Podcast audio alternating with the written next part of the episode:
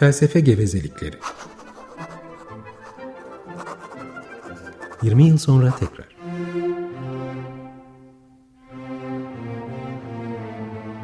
Hazırlayan ve sunanlar Oruç Araoba ve Ferhat Taylan.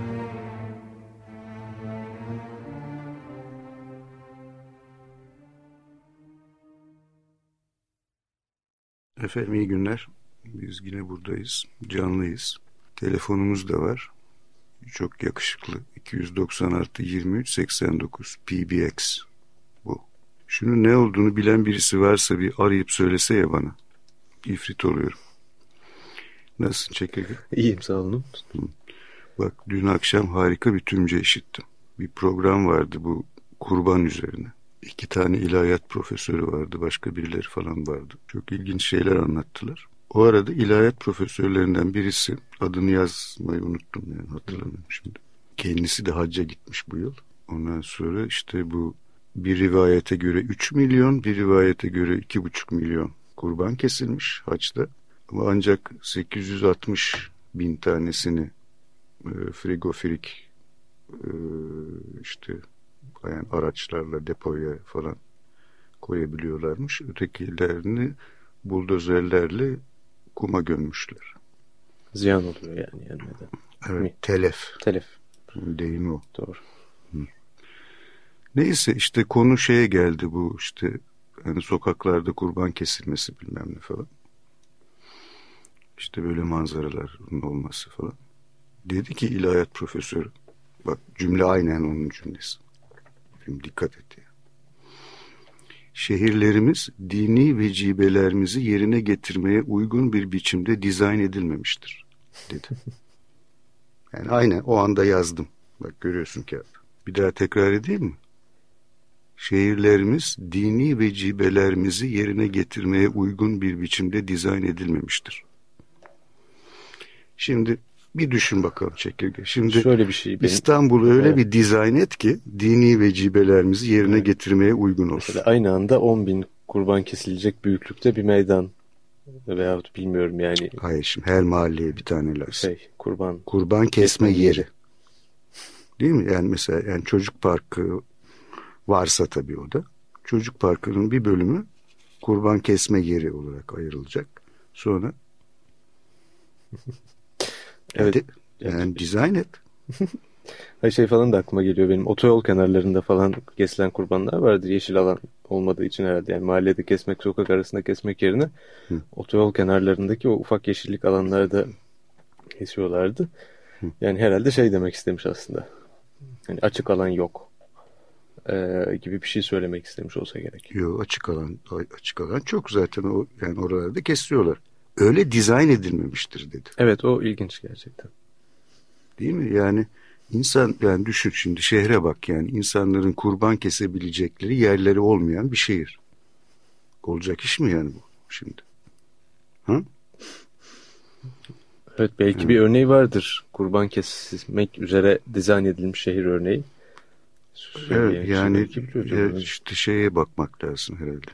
E, Mekke'ye yani şeye Mekke'de değil mi ki abi? Evet. Orada dizayn edilmiştir herhalde. 3 milyon kesiyor baksana. Ne biçim Biraz bir dizayn lazım onun için. Zor. 3 milyon tane kesilecek. Mazgallar şu. Bu arada tabii de ilginç bir şey söyledi. Aslında kendi, kendi- yani 100 dolar vermiş. Hı. Ondan sonra işte kurban için bilmem ne kuruluşuna unuttum şimdi adını. Ondan sonra ama maalesef görmedim dedi. Yani kestiler mi kesmediler mi o para ne oldu bilmiyor. evet neyse efendim. Ee, kurban bayramı geçti. Biz de geçelim. Evet sende ne var neler var bakalım. Yine Şimdi- yine kütük gibi kitaplar. Bir tane bir tane daha kütük bulmuş efendim. Bu da Türk Anayasa Hukuku. İnsan hakları kütüğünün yanında bir de Türk Anayasa Hukuku.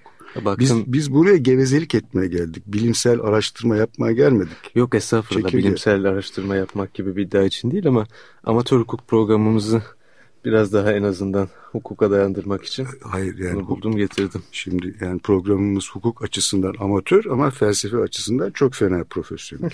Tam bir gevezelik. Öyle de yani. Hiç bilimselliği falan e, karıştırmaya çalışmayın işin için. Yok ben bunun burada olduğunu da söylemeyecektim zaten. Peki. Ama söylemişken evet işte bu Bülent Tanrı yeni çıkmış bu da. Türk Anayasa Hukuku. E, ama şey için ilginç biz şimdi bu hakları teker teker insan haklarını tartışmaya başladık. Yani Türk Anayasası'nda geçtiği şekliyle e, evet. ele alıp yorumluyor ve evrensel e, haklarla karşılaştırmasını yapıyor o açıdan e, yararlı olabilir diye. Şimdi geçen sefer e, yaşama hakkından bahsettik. E, ondan sonra da kişi özgürlüğü ve güvenliği hakkı geliyor genelde evrensel metinlerde. E, Şu o bir tane liste vardı hani öteki kitapta. Yaşam hakkıyla ilgili liste o, mi? O galiba şeydi. Yani hakların bir listesi Evet oradaki hani. sırayla ben de okudum zaten. Tamam. O sıra iyi bir sıra çünkü. Hı hı. Kişi özgürlüğü ve güvenliği hakkı çok kabaca işte e, bireyin bedensel olarak hareket edebilme özgürlüğüne ve bunun güvencesine sahip olması anlaşılıyor. Yani keyfi olarak seyahat et.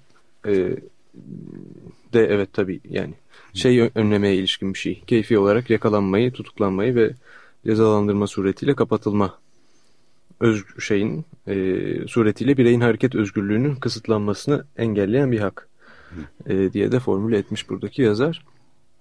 E, şeye kadar gidiyor yani işte Magna Carta. E, aslında bunun tarihinden e, yani Magna Carta'yı kesinlikle benden iyi tanıyorsunuz. Daha doğrusu ben tanımıyorum. E, belki biraz bahsedersiniz yani Magna Carta'dan beri çünkü e, özellikle İngiltere'de bir gelişme var. Sonra da Habeas Corpus Act. Hı hı. Habeas Corpus güvencesinde ilk defa bu yani keyfi olarak tutuklanmama ve e, yargıç güvencesini getirilmesi meselesi var. Sonra da şeye kadar geliyor. Roma Anlaşması ve e, İnsan Hakları Avrupa Sözleşmesi'ne kadar geliyor. Evet. Şimdi geçen programlardan birisinde galiba şöyle bir değinmiştik. Yani şimdi yani mutlakiyet rejimi altında yani senin sana yapılacak olan şeyler işte kralın ya da sultanın ya da neyse işte imparatorun iki dudağı arasında. Evet. Değil mi? Yani urun kellesin dediği anda bittin. Zaten bekliyorlar şeyde. İşte Magna Carta İngiltere kralının yani özellikle yani aristokrasi üzerinde tabii. Yani yani halk için de geçerli görünüştü ama hı hı. asıl e, işte soyluların kral karşısındaki konumlarını e, bir anlamda güvenceyi almak için onunla yapılmış bir bir tür anlaşmadır. Yani bir tür meşrutiyet başlangıcı gibi bir şeydir. Yani şimdi öte yandan habeas corpus'ta yani bedeni bende demek. Ben bedenin Hı. bedenini aldım. Hı. İşte şu anlamda yani birisini tutukladığın anda sen artık onun bedeninden sorumlusun. Evet. Değil mi? Yani hani bizde epey sık oluyor ya hani göz altında kayboluyor birden. Yok birileri hani bir otobüs vardı bir zamanlar üstünde bir sürü resimle. Evet. İşte onlar habeas corpus herhalde duymamışlar. Öyle yok olabiliyor insanlar. Habeas... Yani bir insan yok yani ne oluyor? Yani, yani bedeni yok oluyor. Evet. Yani korpusu yok oluyor. Habeas corpus'la beraber galiba ilk kez e, yargıç tarafından yargılanma zorunluluğu e, yani yargıç tarafından daha doğrusu yargılanmadan e, tutuklanmama hakkı evet. E, evet. da getirilmiş. Ondan sonra şeyde de geçiyor 1789 e, Fransız İnsan ve Yurttaş Hakları Bildirgesi'nin 7. maddesinde de var. Kısaca hiçbir insan e, yasada belirlenmiş haller ve onun buyurduğu biçimler dışında suçlanamaz, alıkoyulamaz ve tutuklanamaz e, diye başlayıp devam eden bir madde. E, Birleşmiş Milletler İnsan Hakları Beyannamesi'nde de iki maddede, üçüncü maddede e, yaşamak, hürriyet ve kişi emniyeti her ferdin hakkıdır denerek korunuyor. Bir de dokuzuncu maddede hiç kimse keyfi olarak tutuklanamaz, alıkoyulamaz ve sürülemez e, diye bu haklar alınmış. Fakat esas Roma Anlaşması'yla kabul edilen İnsan Hakları Avrupa Sözleşmesi'nde geniş bir madde olarak var bu. E, yani artık pratik olarak nasıl olabileceğini düzenleyen ve nasıl olamayacağını düzenleyen bir madde olarak e, özgürlük ve güvenlik hakkı başlıklı beşinci madde Ee, okuyorum bunu biraz. Çok uzun değil zaten. Ee, birinci bent, e, herkes kişi özgürlüğü ve güvenliği hakkına sahiptir. Aşağıdaki haller dışında ve hukukun öngördüğü bir usule uymadıkça e, kimse, hiç kimse özgürlüğünden yoksun bırakılamaz. E, bu haller şunlar, e, bir kimsenin yetkili mahkemenin mahkumiyet kararından sonra hukuka uygun olarak hapsedilmesi. Herhalde bu en açık ve Hı. sorunsuz durum sayılabilir. E, B. Bir kimsenin mahkemenin hukuka uygun bir kararına uymaması nedeniyle veya hukukun öngördüğü bir yükümlülüğü yerine getirmesini sağlamak için hukuka uygun olarak gözaltına alınması veya tutulması. C. Bir kimsenin suç işlediğinden makul kuşku duyulması üzerine veya suç işlemesini engellemek ya da işledikten sonra kaçmasını önlemek için kendisini tutmayı gerektiren makul nedenler bulunması halinde kendisini kanunen yetkili makamların önüne çıkarmak amacıyla hukuka uygun olarak gözaltına alma veya tutma. Evet. Makul iki kere geçiyor. Hı? E, ilginç o evet. Makulün ne olduğuna kim karar verecek? İşte. Yani Pınar Selek'in bomba koyucusu olduğunu makul buldu epi birileri. Mesela. Manisalı öğrencilerin örgüt kurduklarını makul buldu. Akla uygun buldu yani. Evet bir başka bir sorun da gözaltına alındıktan ve hatta mahkemeye çıkarıldıktan sonra makul bir sürede de mahkemenin sonuçlanması gerekiyor. Hı. Ama yani... Bu da iki buçuk yıl sürüyor mesela, mesela. Ve sonra beraat ediyorlar. Makul bir süre canım. İki buçuk yıl. insan hayatında. Bu durumlarda da devletten tazminat alma hakkı aslında mevcut. Evet. Geçen sefer bahsediyorduk. İçişleri Bakanlığı'nı mahkemeye verebiliyormuş. Evet. İki buçuk karşılığında ne bileyim 500 milyon manevi tazminat alınabilir. Daha büyük miktarda maddi falan. Bilmiyorum. Onlar geri getirir mi acaba? Evet. Ciddi soru o. Evet peki. Şimdi bir ara verelim. Ondan sonra şeyi tartışalım. Ben çok garip bir şey görüyorum bu metinlerde ya. Neyse. Şeyden sonra. Efendim biz e, Fransızlara fıştık atmaya devam ediyoruz. Biliyorsunuz e, bir e, Cezayirli Fransız, ondan sonra bir Ermeni Fransız bulmuştuk. Şimdi bence çok daha ilgincini bulduk. Şu açıdan ilginç bizim çekirge daha adını bile duymamış. Duymuştum da tanımıyordum. Öyle mi? Hı hı. Hiç yani işitmemiş mi? Duymamış. E, işittiysem yani, de olduğunu bilmeyerek işittim herhalde. Şimdi ilk çalacağımız parçada herhalde hatırlayacağım. Duymamış olmam mümkün değil. Efendim Dario Moreno e, İspanyol Yahudisi bir babadan ve Meksikalı bir anneden İzmir'de doğmuş. 1949'da e, Paris'e gitmiş. Ondan sonra işte dünyanın çeşitli yerlerini gezmiş. O arada neydi o ödülün adı? Hani demin bakmıştık. Paris'te Fransız diski Büyük Akademi Ödülü. Evet bir e, şeyin operanın operanın aryalarını Offenbach'ın La Vie Parisienne e, Paris hayatı. E, şeyin operasının işte aryalarını okumuş. 1957'de sen oku. Grand Prix de evet, pardon Grand Prix de l'Académie du Disque Français. Evet Fran e, Fransız Diski Büyük Akademi Ödülü. Kazanmış efendim yılını hatırlamıyorum ee, öldüğü zaman e, İzmir'e gömülmek yolu bir vasiyet olduğu halde o arada ailesi İsrail'e göçtüğü için maalesef alıp İsrail'e götürdüler. Kaç yılıydı hatırlamıyorum. Şimdi ben biraz nostaljik takıl, takıl, takılacağım. Ee, gençliğimin şarkılarından birisini şimdi dinleyeceğiz Dario Moreno ama maalesef Fransızca değil Türkçe. Evet efendim. Dario Moreno'dan dinledik. Aşkımız bitti ya da e, Deniz ve Mehtap. O arada toprağı bol olsun diyelim İsrail'de. Orada da Açık Radyo'nun e, bazı programcılarını uyarayım burada. Müslümanlar için de toprağı bol olsun diyorlar. Halbuki Müslümanlar Müslüman olmayanlar için toprağı bol olsun derler. Müslümanlara rahmet Allah rahmet eylesin denir. Dario Moreno'ya Allah rahmet eylesin diyemediğimiz için toprağı bol olsun diyoruz. Evet peki. Sen hiç 45'lik gördün mü? 45'lik plak. Yani gördüm ama çok fazla dinlemedim. Hı. Peki otomobillerde eskiden plak çalarlar vardı. Onlardan hiç gördün Onlardan görmedim. Görmedim değil mi?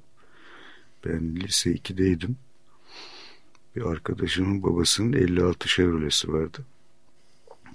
Onun vardı öyle bir tane böyle plak çalar. O 45'li içine şey yapardın. Arabanın hareketiyle hareket ederdi o. Yani şey yapmış yani sesi bozulmasın diye. İşte bunu dinlerdik mesela. Eskişehir yolunda kaçak olarak araba kullanırken. Evet. Peki çekirge. Gençliğimden geri döneyim. Sen devam et. Siz bir şey söylüyordunuz. Heh, Bunlarla ilgili bir şey söyleyeceğim. Şimdi, şimdi hemen bütün metinlerde var. En açığı da 1789 metninde. ikinci maddesinde işte insanların bilmem ne işte oku onu. Ee, benim yapmaya çalıştığım çeviriden okuyorum. Bütün politik örgütlenmelerin amacı insanın doğal ve ebedi haklarını korunmasıdır. Ee, bu haklar özgürlük, mülkiyet, güvenlik ve baskıya direnmedir. Evet dört tane sayıyor. Hı hı. Şimdi ilk hak özgürlük. Evet. Özgürlüğün bir hak olması ne demek? Hı. Evet zor bir soruya benziyor. Çünkü hakla özgürlük zaten birbirlerine birbirlerinin içine geçen şeyler olarak gözüküyor aslında. Hı. Yani niye hangisi özgürlük hangisi hak? Evet. Yani, Değil mi? Yani öteki hani şey Roma metninde de e, insanın bilmem ne özgürlüğüne hakkı vardır. Evet. Deyimi geçiyordu. Yani sık hak, sık. Daha çok özgürlüğün sınırlanmasını engelleyen bir şey olarak, hukuki düzenleme olarak e, sanki anlaşılıyor. Öyle mi acaba? Tersi mi? Yani hak olduğu için özgürlüğü mü var? Şimdi bak şöyle bir şey söylenir. Nereden biliyorum şimdi hatırlamıyorum da. Dünyanın en eski e, suçu hangisidir? Hiç duydun mu? Hmm. Cinayet değil mi? Hayır. Fahişelik mi yoksa? Hmm. O da değil. Ya onlar çok açıkta. En eski suç. Yol kesmektir. Ve yani özellikle Roma İmparatorluğundan başlayarak Osmanlı'da da yani hep en önemli iş yolların açık tutulması olmuştur. Yani insanların özellikle yani tabii işte yani ticaret amaçlı yani Çin'den kalkıp niye İzmir'e gelsin değil mi? Yani İpek yolu bilmem ne yolu falan var ya yani bütün devletlerin kendi aralarında anlaşmalarıyla da yani hep yani yolları açık tutmak çok önemli görülmüştür. Ve yani onun karşılığı da yani eşkıyalık da en önemli suç sayılmıştır. Yani eşkıya en ünlü suçludur. Değil mi? Bütün devlet, bütün tarih boyunca. Kızır, Kızıroğlu Mustafa Bey. Hı? Şey neydi? Bolulu. Ee, Beyoğlu. Ne oldu? Bilmiyorum hatırlamadım. Köroğlu. Köroğlu. Hı. Şimdi o açıdan yani özgürlüğün özgürlüğün nasıl bir anlamı var burada? Değil mi? Yani özgürce bir yerden bir yere gidebilmek. Evet yani bir sürü yan anlamda beraber işte engellenmemek. Yani yapılmasına mani olunmaması vesaire. Ve yani bak ilginçtir. Yani hapsetmek ne yani ne yapmaktır? Nasıl bir cezadır? Özgürlüğü ortadan kalır. Bir yerden bir yere gide, gitmeyi engelleyici. Evet, tutmak, evet. Bir cezadır değil mi? Yani sen burada oturacaksın, bir yere gidemeyeceksin Hı. demektir. Başka bir yerde bulunmayı engelleyici. Başka yere gitmeyi engellemek. Evet. Değil mi? O da o yüzden bir ceza. Evet. Aynı zamanda da şeyle tabii toplumu koruma fikri ve çağrışımlarıyla. Yani izole etme. Toplum yani öyle bir yani ne bileyim ben yani banka soymuş. Evet. Yani şimdi yani adam öldürmüş ırza geçmiş. Hı. Yani bir daha onları yapmasın diye de bir yan anlamı var ama onu yaptığından dolayı verilen bir ceza. Tabii. Değil mi? Şimdi yani özgürlüğün özgürlüğün birçok anlamı var. Değil mi? Yani engel görmeden bir şeyler yapabilmek. Evet. Gibi bir anlamı kastediyor burada. Yani e, nasıl Fransızca'da yani liberte var. Yani İngilizce'de liberty bir de freedom var. Hı. Özgürlük için.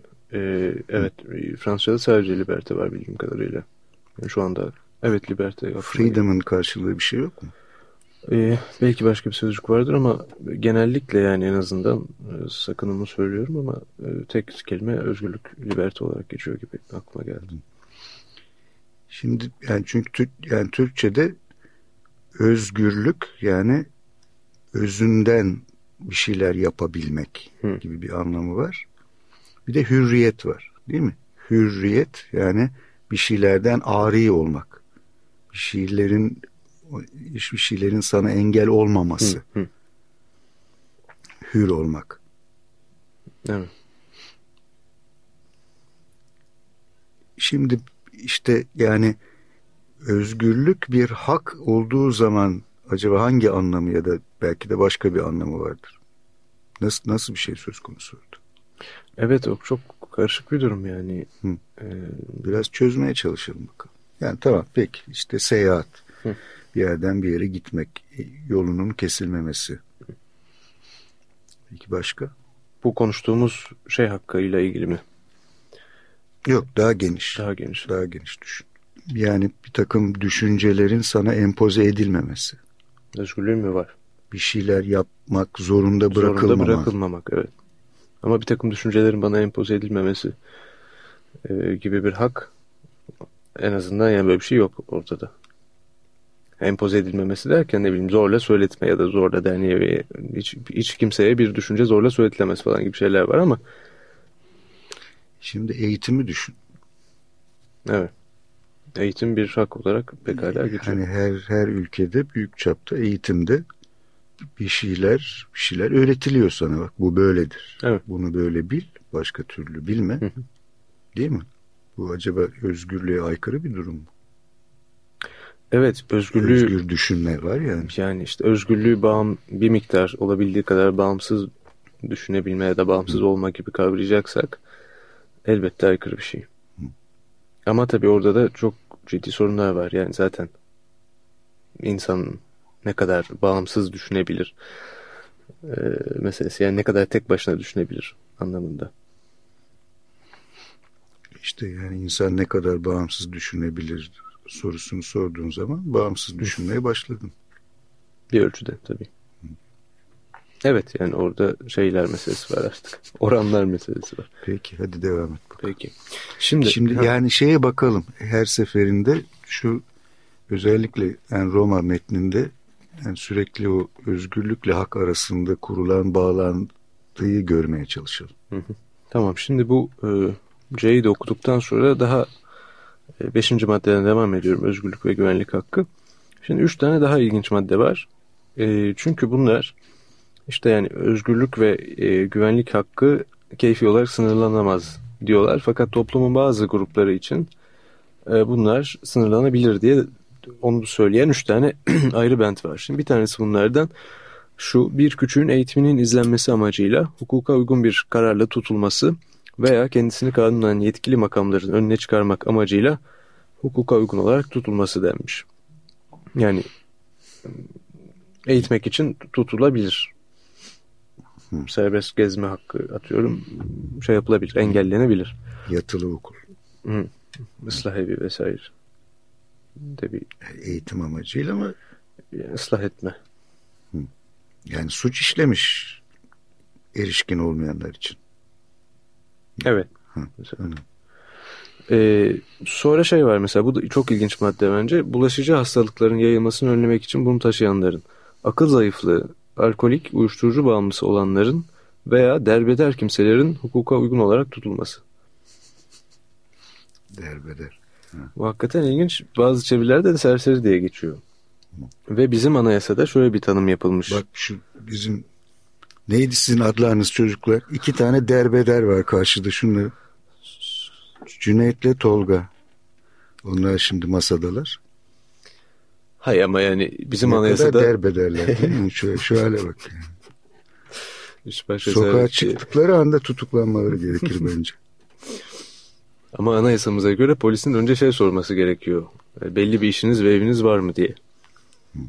O da yok diye O da bir işaret geldi oradan. bunlar da. Bunlar serseri. Hemen içeri. sen fena sen idare edersin. Yani bir güzel bir kazan var üstünde. Kafanın tıraşı biraz şüpheli ama neyse. Yok ben daha idare ederim. Ama şey mesela bu bulaşıcı hastalık Evet, Toplumu- kara- karantina. Evet. Yani ötekilerde de işte bu toplumu korumak. e, Akıl hastalarından, alkoliklerden, uyuşturucu bağımlılarından ve serserilerden. Tabii yani demin söylediğiniz şeyde de e, mesela anayasada böyle bir şey geçiyor. Polisin ne kadar geniş bir e, takdir yetkisi e, olduğu da ortaya çıkar yani. Bizim polisimizin özellikle. Evet. Bir görüşte tanır. Kim derbeder, kim serseri, kim alkolik. Evet. Şeyinde ayrıca tabii Michel Foucault'un da kulakları burada çınlasın. Ben demin tam söyleyecektim. Evet. Evet peki efendim. Bir bu sefer e, e, Fransızlara sahiden bir fıştık atalım. E, Dario Moreno'nun Fransızca söylediği bir şarkı bulduk. La Montagne de l'Amour. De l'amour. De l'Amour. Değil mi? Evet aman De l'amour derseniz ölüm dağı olur. Şimdi Ha, onu- aşk dağı. onu- Aşk Dağı'nı Daha dinliyoruz efendim. cazip. Fransızca söylüyor Dario Moreno. Fransızlara fıştık atmak amacıyla çalıyoruz kendisini. Evet efendim Dario Moreno'dan dinledik. Aşk Dağı. O arada yanılmıyorsam arada Yasu Palikaria diye bir nidada bulundu. Muhtemelen herhalde e, Rum kaynaklı bir bir şarkı olsa Hmm. gerek. Fransızca söyledi ama. Belki de.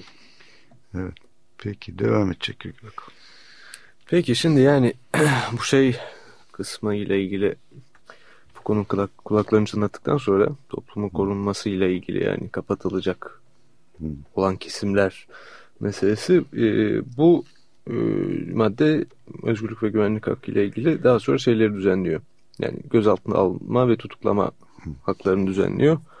E, burada da bir şey yapılmış insan hakları ile ilgili e, kitapta. E, bizim ceza hukukumuzda da nasıl olduğu e, verilmiş. Onlara çok girmek istemiyorum yani çok fazla çünkü Çok bildiğimiz- ayrıntıya girmeye Hı hı. gerek yok. Bildiğimiz şeyler değil. Fakat şey geldi aklıma şimdi e, 82 Anayasası'ndan bahsederken bu Türk Anayasa Hukuku kitabında Bülent Tanör e, yani anayasanın ne kadar sınırlayıcı olduğundan bahsederken e, siyasal felsefesiyle ilgili şeyler de tabii söylemiş. E, aslında onu programa konuk edip bunu konuşmak son derece ilginç olur. Çünkü şeyden bahsediyor. E, anayasamızın giriş başlangıç bölümünde hala çok ilginç bir paragraf var.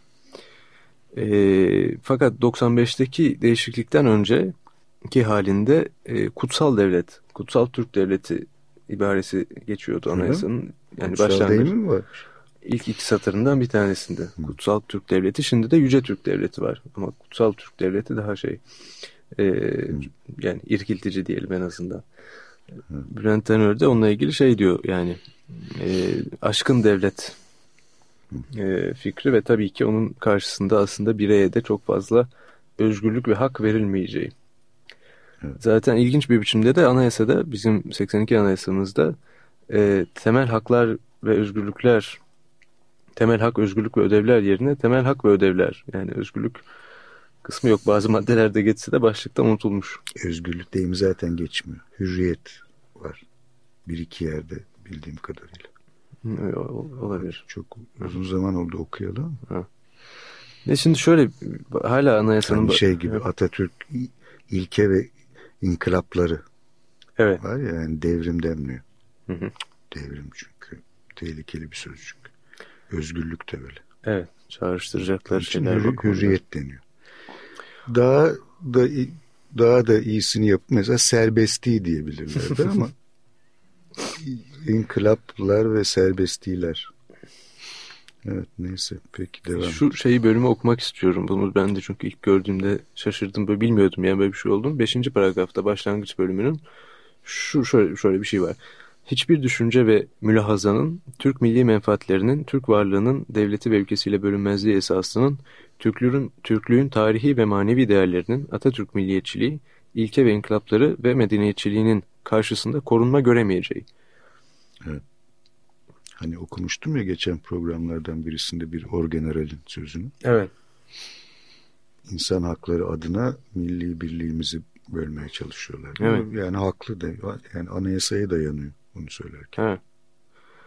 Yani mesela şimdi şey ana şu an burada da çok ilginç bir şey var. Ee, şimdi danışma meclisi yani 12 Eylül'ün danışma meclisi anayasa komisyonu başkan vekili Kemal Dal e, zamanında şöyle bir şey söylemiş. E, 1961 anayasası hümanisttir, Türk'ü ihmal etmiştir. 1982 anayasası Türk'ü ele almış, hümanizmi bir kenar etmiştir demiş ve böylece iyi memnun evet olmuş e, bunu yaptığından.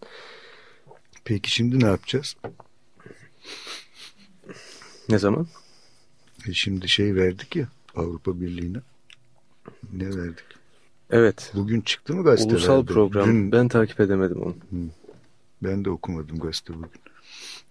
Onu evde edelim. Gelecek programa bir onu konuşalım. Bir Şimdi yani hümanistliğe geri mi döneceğiz acaba? Evet bilemiyorum. Türk'ü de çok ihmal etmemek lazım Hı. bir taraftan. Türk'ü ihmal etmeden hümanist olacağız. Evet. Galiba öyle bir ulusal program hazırlanmaya çalışıyoruz. hümanist olacağız. Evet. Evrensel. Yoksa hümanist Türkik mi olacağız? Ama ilginç de bir şey var tabii. Evrensel insan haklarının millileştirilmesi gibi bir örnek. Bazıları birazcık sınırlanarak tabii. Evrensel insan haklarının Türkik yorumu. Evet. Olacak. Evet. Bakalım Ama, ilginç metinler çıkacak ortaya. Bol bol gevezelik edebiliriz. Edebiliriz. Haftaya bunu yapalım ama Bülent Tanör'ü de hakikaten bir davet edip şu 82 Anayasası'nın özellikle yani başlangıç bölümünde de ifade edilen ideolojisini bir anlamak üzere. Evet. Çünkü yani maddelerdeki sınırlamalar çok açık. Ee, ama daha önemli olan belki de nasıl bir ideolojiyle ele alındı. Evet. evet peki efendim bir Dario Moreno daha verelim. Bizim gevezeliklerimizden sıkılmış olabilirsiniz. Bu da çok ünlü bir şarkısı. Galiba İspanyolca çok emin değilim ama. Kuku kukururuçu paloma falan gibi bir şeydir. Şimdi dinleyeceğiz. İtalyanca mı İspanyolca mı hatırlamıyorum.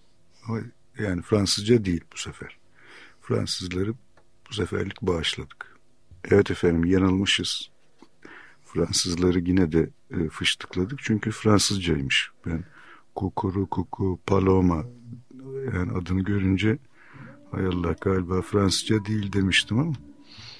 Fransızlar da kukuru kuku diye biliyorlarmış. Yani evet, şey, horoz ötüşü değil Evet, yok kukoriko aslında der Fransızlar horoz için bildiğim kadarıyla. Hı. Kokoriko. Ama bunu da söylüyorlarmış. Belki değişmiştir. Peki. Şimdi e, o şeyden bahsediyorduk. Temel hak ve hürriyetler e, genelde anayasada neye dayanarak sınırlanıyor? Bir bab işte demin okuduğum hiçbir düşünce ve mülhaza bazı daha, şeylerden üstün ha, tutulamıyor zaten. O yüce ve kutsaldır. Evet. Bir de önemli bir 13. madde var. Bu da temel hak ve özgürlüklerin hürriyetler deniyormuş. Evet burada da e, nasıl sınır sınırlanacağına ilişkin bir madde şöyle sınırlanıyor. E, temel hak ve hürriyetler devletin, ülkesi ve milletiyle bölünmez bütünlüğünün, milli egemenliğin, cumhuriyetin, milli güvenliğin, kamu düzeninin, genel asayişin, kamu yararının, genel ahlakın ve genel sağlığın korunması amacıyla ve ayrıca anayasanın ilgili, ilgili maddelerinde öngörülen özel sebeplerle sınırlanabilir dendikten sonra bu maddede yer alan genel sınırlama sebepleri temel hak ve hürriyetlerin tümü için geçerlidir. e, denerek madde bitiriliyor.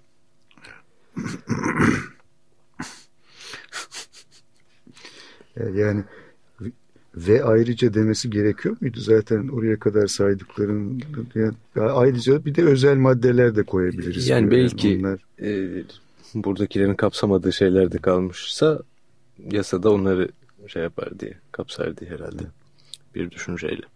Neyse bizim şimdi bu konuşmaya çalıştığımız e, hakla ilgili olarak e, şu şey var. bu gözaltına alınma prosedürüyle ilgili e, gecikmesinde sakınca bulunan durumlarda ibaresi var. Evet. Yani yoksa tutulamaz hiç kimse ama gecikmesinde sakınca varsa.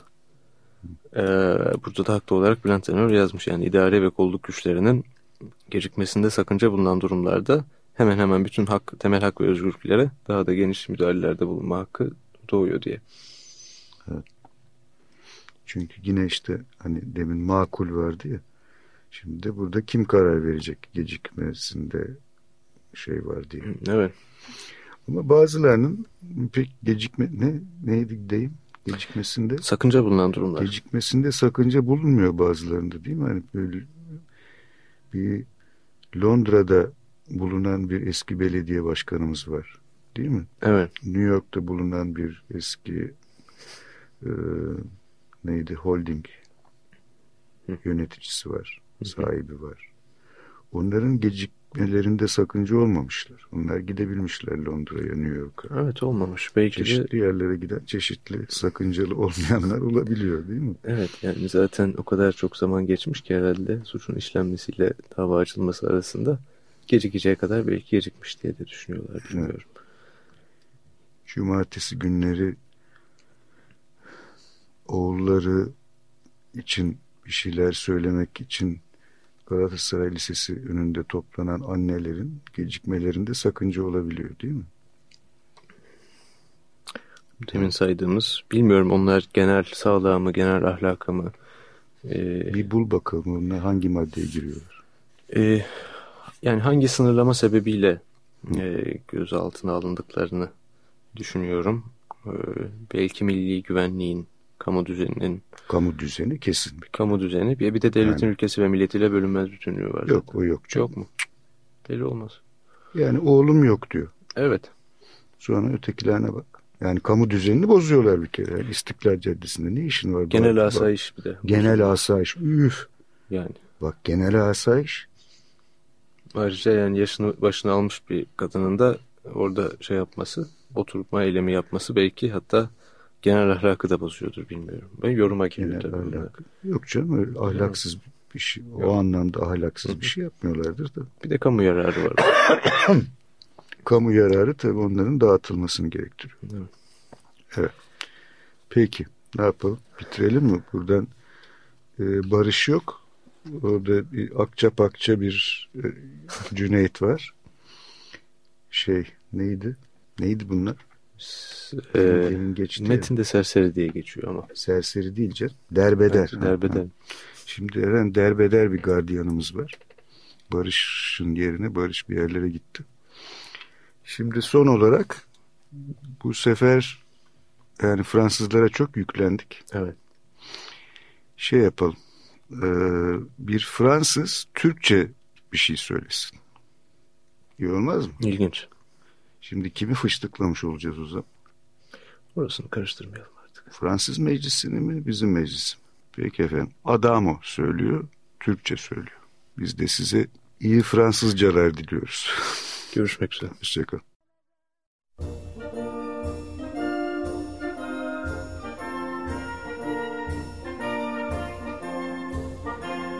Felsefe gevezelikleri. Hakikaten. Hak, hukuk, hakikat vesaire.